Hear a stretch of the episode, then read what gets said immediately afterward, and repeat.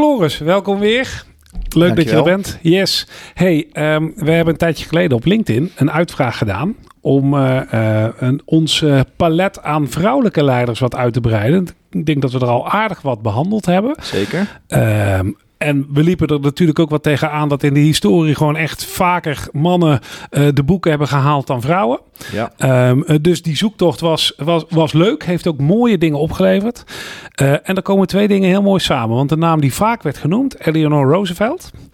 Um, die heeft het uh, bijna 75 jaar geleden, op 10 december 2023 is het 75 jaar geleden dat zij de universele verklaring van de rechten van de mens door de Verenigde Naties heeft weten te loodsen. Een prestatie van formaat. Ja, ja zeker. Ja. Um, dus volgens mij leuk om het eens over Eleanor uh, te hebben. Ja, zeker. Um, zal ik gewoon even heel kort wat, wat van haar biografie uh, doen. Ja. Uh, en dan kijken we daarna wel naar haar uit, uitdaging en ook wat je daar als hedendaagse leider weer van uh, leren kunt. Zij is in 1884 geboren. En in 1905 trouwt zij met um, uh, uh, Franklin D. Roosevelt. Zij is overigens ook verre familie ja, weer. Vijfde graads neef of zo. Ja. Uh, ja. Zij is volgens mij dichter familie van Teddy Ted. Roosevelt, de ja. andere Roosevelt-president. Klopt. Ja. Via haar vader is zij nicht van Teddy. Maar Zoiets, dus maar. zij was eigenlijk Eleanor Roosevelt Roosevelt na haar huwelijk. Um, en um, zij heeft een turbulent leven met, met Franklin D. Roosevelt. Want dat is misschien ook wel gelijk toch een leuk bruggetje. Wij hebben best vaak dat wij, als we het hebben over vrouwelijke leiders, benoemen uh, in wat voor bijzondere positie zij soms zaten. Waarop zij dan aan de macht kwamen. Soms ook een beetje tegen de klippen op uh, aan de macht konden komen. Um, hier werkt het ook wel andersom. Ja, ja zeker. Zeker. Want um, ja, inderdaad, precies wat je zegt. Vrouwen die komen vaak in posities uh, waarin ze invloed en macht hebben, ondanks hun vrouw zijn eigenlijk. Hè? Ja. En dan zeggen wij vaak in die afleveringen, nou daar hebben ze het beste van gemaakt. Sterker nog, dat hebben ze heel goed gedaan. Uh, dat ze, je zou kunnen zeggen, nou, we hadden Eleanor Roosevelt nooit gekend als haar man geen president was geweest. Ook een van de meest succesvolle presidenten ooit van de Verenigde Staten. Maar in dit geval is het wel aardig om te benadrukken dat het eigenlijk ook andersom werkt. Want ja. um, Franklin Delano Roosevelt was nooit president geworden zonder Eleanor. Nou, dan kun je natuurlijk zeggen, ja, wat is een man zonder zijn vrouw? Nee, maar in dit geval nee. waren er wel twee hele ja. uh, concrete uh, gebeurtenissen in hun vroege leven die dit ondersteunen. Eén, uh, ze hadden een gelukkig huwelijk, maar uh, Franklin Delano is wel uh, vreemd gegaan op, ja. uh, op een gegeven moment. Had ja. een affaire met een andere vrouw. Met zijn secretaresse. Oké, okay, nou dat ja, hoor, weet jij dan klassiek. weer. Dat wist ik niet inderdaad. Um, nou ja, je moet je bedenken als Eleanor dat had aangegrepen om van meneer Ro Roosevelt te scheiden dan was meneer Roosevelt gewoon nooit president geworden. Dat nee. was gewoon not done in die tijd. Als je gescheiden was, ook als man, nou, dan kon je het vergeten als president. Ja. Dat is één. Twee, um, Roosevelt, uh, meneer Roosevelt, had polio. Of kreeg op een gegeven moment Precies. polio, raakte verlamd aan zijn benen. Uh, en zag het eigenlijk zelf niet meer zitten, een politieke carrière. Hij wilde letterlijk ongeveer het bijltje erbij neergooien. Ja. Uh, en toen was daar weer Eleanor die haar man stimuleerde van... hé, hey, een beperking, een fysieke beperking...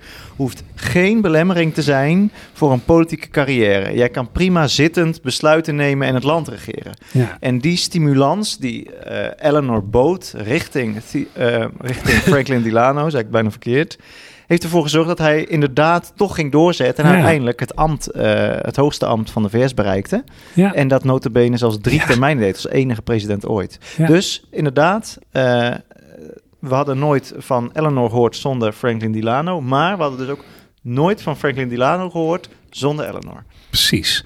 Um, maar dan toch eventjes, want dat is, ik denk dat het waardevol is. Hè? Want uh, zij is uh, uiteindelijk, en uh, maak ik even een snel bruggetje. Zij is uiteindelijk een van de afgevaardigden geworden in de delegatie naar de Verenigde Naties. En dat heeft Harry Truman gedaan. Ja, ja dus even snel. Hè? Ja? Franklin Delano Roosevelt, die sterft nou, bijna tegen het einde van de oorlog, ja. Tweede Wereldoorlog. Zijn vicepresident Harry Truman neemt het ambt over. Ja. Um, dient de zittende termijn uit. Dat was volgens mij nog ongeveer drie jaar.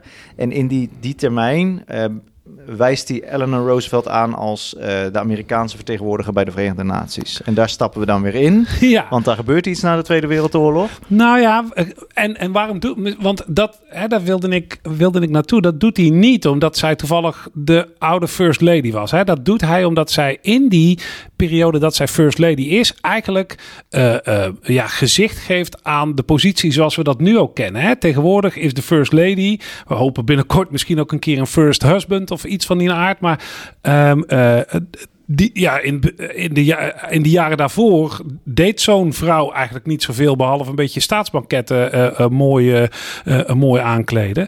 Zij kiest voor iets anders. Want zij was al bekend om haar strijd voor de, voor de civil rights. Hè, Om het zo maar te noemen.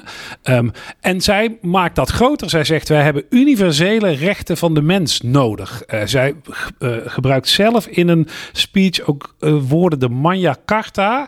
Magna Carta van de rechten van de mens. Hè? Ze zegt ook, wij moeten voorborduren op wat in de Franse revolutie is gebeurd, wat in de, tijdens de Amerikaanse onafhankelijkheidsverklaring is gebeurd. Daar moeten wij op door. Mensen hebben gewoon, mensen worden niet geboren om in het bezit te zijn, het bezit zijn van een ander. Ja, maakt niet uit waar je wieg heeft gestaan je hebt bepaalde rechten omdat je mens bent. Precies. Ja. Um, maar dat is natuurlijk een, een tour de force die zij aan moet in een toenemende polariserende wereld. Hè? Want het einde van de Tweede Wereldoorlog, die twee machtsblokken beginnen zich te ontwikkelen. Uh, en zij is natuurlijk onderdeel van dat westerse machtsblok tegenover dat communistische. Ja, en vergis je niet, want inderdaad, je kan natuurlijk zeggen, ja, dat communistische, dat had niet zoveel met rechten van de mens. Hè? Stalin, uh, nou, dat weten we nu, dat wisten ze toen ook al aan. Niet, nee. Daar deed hij niet zoveel aan. Uh, sterker nog, nou, hij legde een hoop uh, inwoners van de Sovjet-Unie om, actief. Maar er was natuurlijk ook weerstand in dat westerse blok, hè? vergis je niet. 1948, de Verenigde Staten, nou ja, de, zeker de zuidelijke staten, er was nog volop rassenscheiding. Ja. dus als je een universele verklaring van de rechten van de mens gaat omarmen en onderschrijven als Verenigde Staten, wat betekent dat dan voor die zuidelijke staten? Dus ook daar zat weerstand. Het zat niet alleen in dat communistische blok. Zeker niet. Nee, ze had eigenlijk in die zin een, een uphill battle te doen naar twee kampen. Want in de VS werd het een beetje als communistische verklaring. Dat is een half communistische verklaring. En in de Sovjet-Unie en hun uh, partners dachten ze natuurlijk veel als we dit gaan omarmen, wat dan? Um, het grappige is, uh, en daar hadden we het in het voorgesprek, hadden wij het daar ook al even over. Um, wij, wij spreken in verandertaal. Hè? Natuurlijk nog wel eens uh, een van de dingen die we dan gebruiken is de sense of urgency en de sense of purpose. Hè? En, en in de zin van, zij weet op een gegeven moment heel goed die sense of urgency, die ze denk ik echt voelt, te benutten. En wat, wat gebeurt er? Truman loopt tegen het einde van zijn presidentschap. Zijn eerste termijn. Zijn eerste ja. termijn. Um, en wat zij dus bedenkt is, ja, ze had het gevoel, die gaat niet herkozen worden. Achteraf kreeg ze daarin geen gelijk. Klopt. Maar dat was wel haar gevoel. Dat gaat niet gebeuren. En zij voelde wel aan, ik ga door een republikeinse presidentskandidaat, ga ik niet in deze delegatie gezet worden. Dus ik moet nu haast maken. Ik moet zorgen dat tijdens het presidentschap van Truman ik deze declaratie door de Verenigde Naties uh, krijg. Zij voelt drang. Maar ze voelt ook aan, het is lastig. En wat doet ze dan heel slim, vind ik? En dat, dan trekken we denk ik gelijk ook maar de les voor de hedendaagse leider. Omdat je hier allemaal wel eens in zit.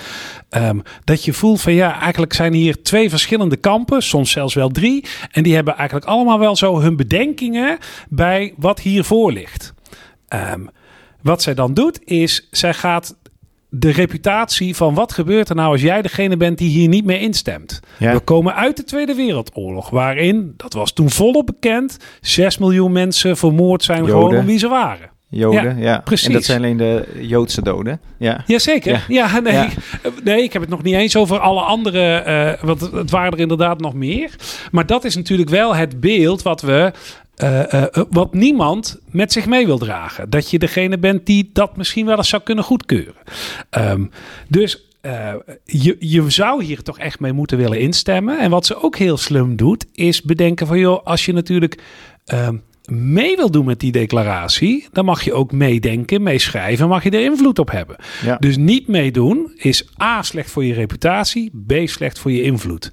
Ze had zelf haast, was een goede diplomaat na al die jaren en krijgt dus eigenlijk een soort van momentum, of zoals we dat ook al zo mooi noemen, de window of opportunity stond open Dat voelde ze ook.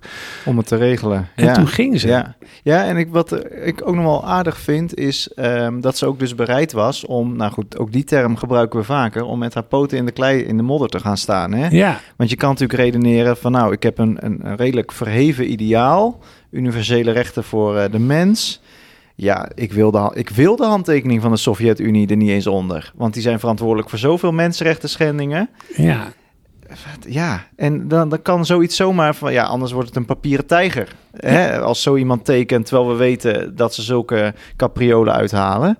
En toch zag zij van nou, ook al staat die handtekening eronder... en moet ik er een compromis voor sluiten... in de toekomst kan dit nog wel eens van waarde zijn. Om ze dat toch even onder de neus te schuiven. En daar heeft ze ook wel gelijk in gehad. Precies, want het is natuurlijk inmiddels... Hè, wordt dit gewoon nog steeds gebruikt Zeker. als argument. Het is absoluut geen dode letter gebleken. Tuurlijk, eh, er zijn nog steeds mensenrechten schendingen, maar ik denk zeker dat het van invloed is geweest in de internationale betrekkingen. Ja, ja.